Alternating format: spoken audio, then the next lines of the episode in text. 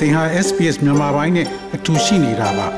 sbs.com.au/burmese မှာပုံမထူးခဲ့တဲ့သတင်းစာမားတွေကိုရှားဖွေပါ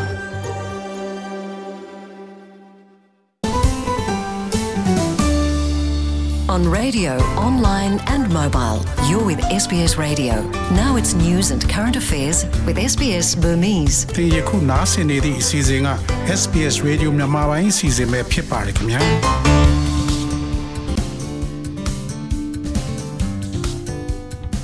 တော်ရရှိမြချက်ဒီမင်္ဂလာဖျားဖျားနဲ့ပြည်စုံတော်မူကြပါစားခင်ဗျာဒီနေ့ဩဂတ်စ်လ15ရက်စနေနေ့မြန်မာပိုင်းအစီအစဉ်များကို SBS Radio မှစတင်အသံလွှင့်နေပါတယ်ခင်ဗျာ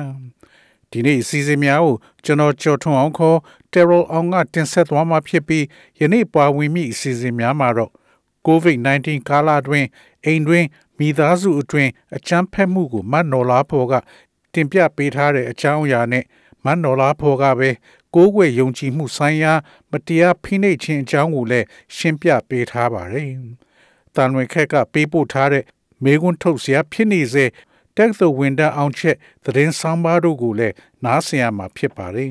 ။ဒီနေ့ကောင်းကြီးပိုင်းသတင်းတွေကတော့ Victoria မှာ COVID-19 ကူးစက်ပြန့်ပွားမှုအခြေအနေ COVID-19 ကာကွယ်ဆေးတရားဝင်ထုတ်လုပ်ပါကဆေးရရှိမိနိုင်ငံတွေမှာမြန်မာနိုင်ငံပါဝင်ရေးကိုစီစဉ်နေ UK မှာ7နှစ်အတွင်းပထမဆုံးချိန်စီးပွားရေးကျဆင်းမှုနဲ့ကြုံနေရ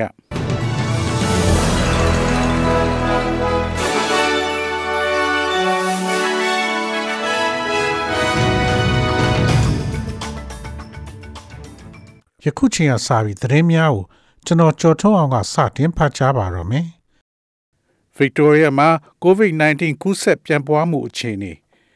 ပြည်내ရဲ့ coronavirus ကူးစက်ပြန့်ပွားမှုကိုတားမြစ်ဖို့ပြင်းထန်တဲ့တင်းကျပ်မှုတွေကြောင့်အခုစတင်လို့သိသာတဲ့အကျိုးသက်ရောက်မှုတွေကိုမြင်တွေ့နေရပြီလို့ Victoria Chief Health Officer ကပြောဆိုပါတယ်။ဒီနေ့မှာတော့ပြည်내မှာ coronavirus ကူးစက်မှုအသစ်303မှုရှိပြီးသေဆုံးသူ4ဦးရှိခဲ့ပါတယ်။ဒါကယမန်နေ့တောက်ကြကကူးစက်မှုအသစ်382မှုနဲ့ သေဆုံးသူ14ယောက်ကနေကျဆင်းလာတာဖြစ်ပါတယ်။ယခုမကြာမီအချက်လက်တွေက Victoria ပြည်နယ်သားတွေကိုအ ਨੇ ဆုံးမျှော်လင့်ချက်နဲ့ယုံကြည်မှုကို ပေးလိမ့်မယ်လို့ Chief Health Officer ပမောက္ခ Brett Sutton ကပြောဆိုပါတယ်။ I always reinforce um, no room for complacency. Um, but I, I do think it's important that people understand that the ကျွန် actions တော်အ that မြဲတ they've မ်း taken အားရမကျေနပ်နေကြဖို့ကိုတွန်းအားပေးခဲ့ပါတယ်။ ဒါပေမဲ့လူတွေနားလည်ဖို့ကအဓိကအရေးကြီးတာကသူတို့ရဲ့လှုပ်ဆောင်မှုတွေအထူးသဖြင့်မကြာမီအပတ်တွေကဟာကအခုနံပါတ်အရေးအတွက်တွေနဲ့ပြနေပါတယ်။ဒါကြောင့်ကျွန်တော်တို့အလုပ်ဖြစ်မယ်လို့သိတဲ့အရာတွေကအခုကျွန်တော်တို့ရဲ့နေ့စဉ်ရည်တွက်မှုမှာပေါ်လွင်ပြသနေတဲ့အတွက်လူတွေအနေနဲ့မျှော်လင့်ချက်နဲ့ယုံကြည်မှုရှိသင့်ပါတယ်။ COVID-19 ကာကွယ်ဆေးတရားဝင် ထုတ်လုပ်နိုင်ပါကဆေးရရှိမိနိုင်ငံများတွင်မြန်မာပါဝင်ရေးစီစဉ်နေရုရှားနိုင်ငံတွင်ဖော်ဆတ်ထုတ်လုပ်နေသော COVID-19 ကာကွယ်ဆေးကိုကမ္ဘာ့ကျန်းမာရေးအဖွဲ့ WHO ရဲ့ခွင့်ပြုချက်ရရှိပါကဆေးရရှိမိနိုင်ငံများစီးရင်တွင်မြန်မာပါဝင်ရေးဆွေးနွေးနေကြောင်းကျန်းမာရေးနဲ့အားကစားဝန်ကြီးဌာနအမြဲတမ်းအတွင်းဝင်ဒေါက်တာသက်ခိုင်ဝင်းကပြောဆိုပါတယ်။ ဩဂတ်စ်လ12ရက်တွင်ပြုလုပ်ခဲ့တဲ့ကိုဗစ်ကာလအတွင်းဘုံလုံးပွဲများပြန်လည်ကျင်းပနိုင်ရေးနဲ့ပတ်သက်၍နိုင်ငံတော်ရဲ့အတိုင်ပင်ခံပုဂ္ဂိုလ်ဒေါအောင်ဆန်းစုကြည်မြန်မာနိုင်ငံဘုံလုံးအဖွဲ့ချုပ်ဥက္ကဋ္ဌဦးစောစောမြန်မာလေရွေးစဉ်ကိုသမားကိုတိခစီသူတို့နှင့်အွန်လိုင်းမှာအပြန်အလှန်ဆွေးနွေးသည့်အစီအစဉ်တွင်ထည့်သွင်းပြောကြားခဲ့ခြင်းဖြစ်ပါတယ်။ရုရှားနိုင်ငံတွင်ဖော်ဆတ်ထုတ်လုပ်နေသောကိုဗစ်ကာကွယ်ဆေးကိုကမ္ဘာ့ကျန်းမာရေးအဖွဲ့ WHO ရဲ့ခွင့်ပြုချက်ရရှိပါကမြန်မာနိုင်ငံမှသက်ကြီးရွယ်အိုများနှင့်ကျန်းမာရေးဝန်ထမ်းများကိုဥစွာပေးနိုင်ရန်စီစဉ်ထားကြောင်းကျန်းမာရေးနှင့်အားကစားဝန်ကြီးဌာနအမြဲတမ်းအတွင်းဝင်ဒေါက်တာသက်ခိုင်ဝင်းကပြောဆိုပါတယ်။ရုရှားနိုင်ငံမှထုတ်လုပ်လိုက်သော COVID-19 ကာကွယ်ဆေးကိုကမ္ဘာ့ကျန်းမာရေးအဖွဲ့ WHO ကအရေးချင်းပြည့်မီခြင်းရှိမရှိရုရှားနိုင်ငံမှ တာဝန်ရှိသူများနှင့်ညှိနှိုင်းဆွေးနွေးလျက်ရှိပါတယ်။ကာဝယ်ဆေးတရားဝင်ရရှိပါကဝင်ငွေနေပါသည့်နိုင်ငံများသာမကဝဝင်ငွေအလေအလတ်ရှိသည့်နိုင်ငံများပါရရှိစေရန်သက်ဆိုင်ရာနိုင်ငံအဖွဲ့အစည်းများနဲ့ဆွေးနွေးထားကြောင်းအမြဲတမ်းအတွင်းဝင်ဒေါက်တာသက်ခိုင်ဝင်းကပြောဆိုပါတယ်။ရုရှားနိုင်ငံမော်စကိုမြို့ကာမာလီယာဌာနမှထုတ်လုပ်လိုက်သည့် Sputnik V အမည်ရဆေးသည်ကမ္ဘာပေါ်တွင် ပထမဆုံး COVID-19 ကာကွယ်ဆေးဖြစ်ကြောင်းနှင့်ကိုရိုနာဗိုင်းရပ်စ်ကိုကာကွယ်နိုင်သည့်ခံနိုင်ရည်စွမ်းအားအလုံးလောက်ရှိကြောင်းရုရှားသမ္မတပူတင်ကပြောကြားခဲ့ပါတယ်။အဆိုပါကာကွယ်ဆေးကို လူများတွင်စမ်းသပ်ကူသမှုနှစ်လနီးပါးကြာပြုလုပ်ပြီးနောက်ဆေးထုတ်လုပ်ရန်စီမင်းပိုင်းဆိုင်ရာခွင့်ပြုလိုက်ပြီးဖြစ်ကြောင်းအဆိုပါသတင်းတွင်ဖော်ပြထားပါတယ်။ UK မှာ17နှစ်အတွင်းပထမဆုံးချိန်စီးပွားရေးကျဆင်းမှုနဲ့ကြုံရ UK နိုင်ငံမှာဧပြီလကနေဇွန်လအတွင်း coronavirus lockdown ချမှတ်ထားခဲ့မှုတွေကြောင့်စီးပွားရေးစံချိန်တင်ထိုးကျသွားခဲ့အပြီးစီးပွားရေးကျဆင်းမှုနဲ့ရင်ဆိုင်နေရပြီဖြစ်ကြောင်းတရားဝင် ထုတ်ဖော်ကြေညာရတဲ့အခြေအနေကို ရောက်ရှိခဲ့ပါတယ်။နှစ်အစပထမ3လတာကာလနဲ့ နှိုင်းဆိုင်ရင် UK စီးပွားရေးဟာ20.4ရာခိုင်နှုန်းကျဆင်းခဲ့ပါတယ်။ဈေးဆိုင်တွေပိတ်ထားတဲ့အတွက်အိမ်တောင်စုတွေရဲ့သုံးစွဲမှု ထိုးကျသွားခဲ့သလိုစက်ရုံတွေနဲ့ဆောက်လုပ်ရေးလုပ်ငန်းတွေလည်းကျဆင်းခဲ့ပါတယ်။ဒီအခြေအနေကြောင့် UK နိုင်ငံဟာ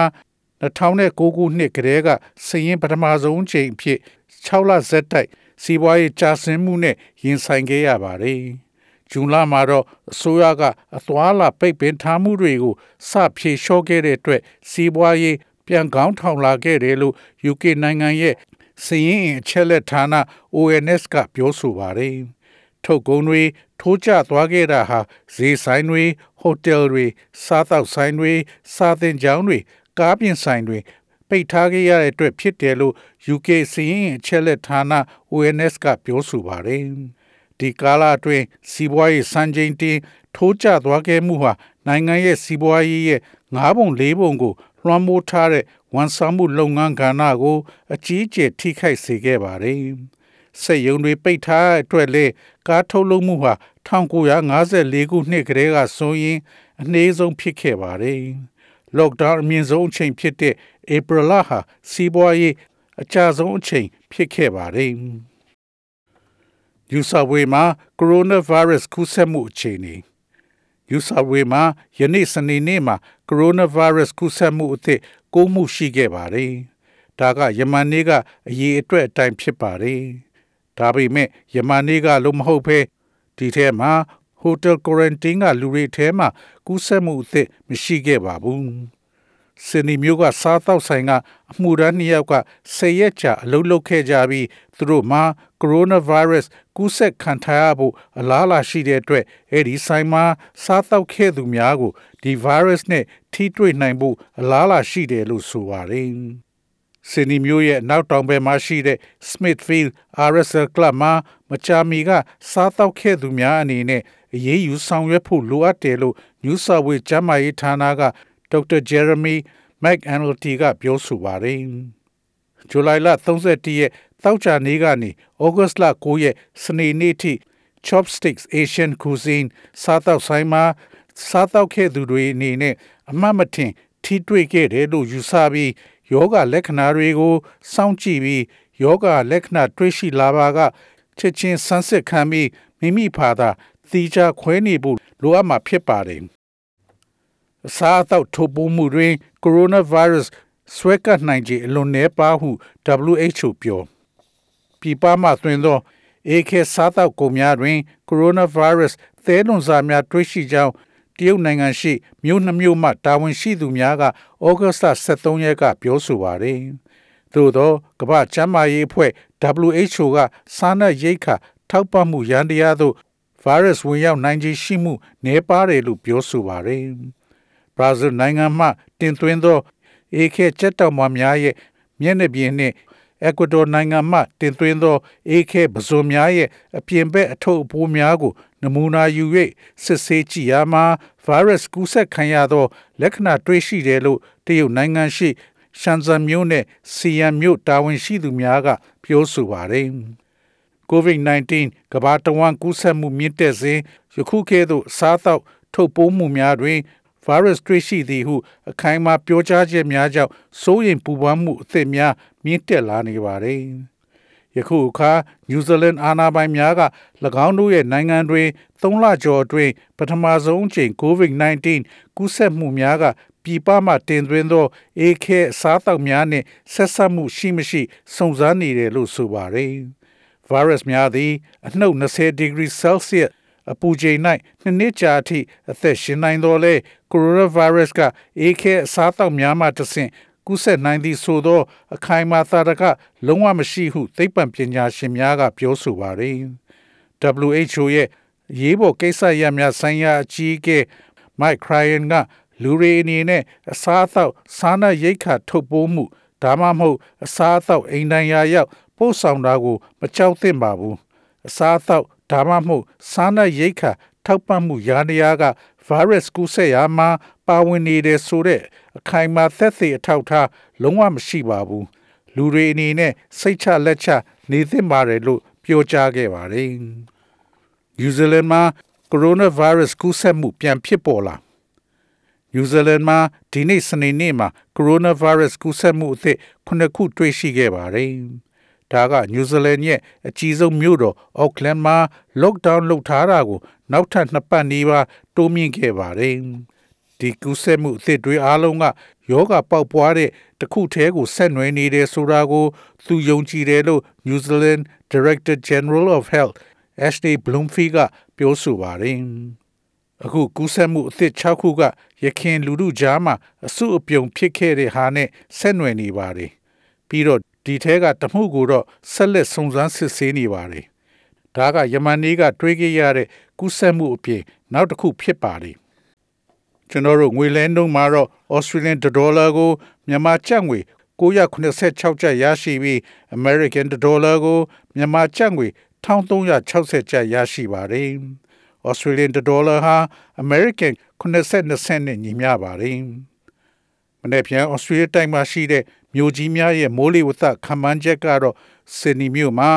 အပူချိန်20 degree centigrade ရှိမှဖြစ်ပြီးများသောအားဖြင့်နေသားမှာဖြစ်ပါတယ်။ Melbourne မြို့မှာအပူချိန်15 degree centigrade ရှိမှဖြစ်ပြီးမိုးရွာသွန်းမှဖြစ်ပါတယ်။ Brisbane မြို့မှာအပူချိန်23 degree centigrade ရှိမှဖြစ်ပြီးနေသားမှာဖြစ်ပါတယ်။ Perth မြို့မှာအပူချိန်15 degree centigrade ရှိနိုင်ပြီးမိုးရွာသွန်းနိုင်ပါတယ်။ Adelaide မြို့မှာအပူချိန်16 degree centigrade ရှိမှဖြစ်ပြီးမိုးရွာသွန်းနိုင်ပါတယ်။ Hobart မြို့မှာအပူချိန်73 degree centigrade ရှိမှဖြစ်ပြီးမိုးပြင်းထန်စွာရွာသွန်းနိုင်ပါတယ်။ Canberra မြို့မှာအပူချိန်14 degree centigrade ရှိမှဖြစ်ပြီးမိုးတိမ်သားများအနည်းငယ်ရှိမှဖြစ်ပါတယ်။ Darwin မြို့မှာအပူချိန်32 degree centigrade ရှိမှဖြစ်ပြီးများသောအားဖြင့်နေစာမှာဖြစ်ပါတယ်။ SBS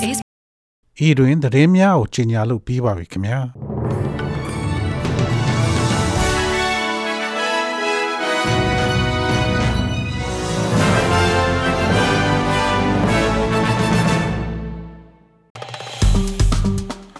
SBS မြန်မာပိုင်းကို Facebook ပေါ်မှာ like ရှာပြီး like မျှဝေမှတ်ချက်ပေးပါ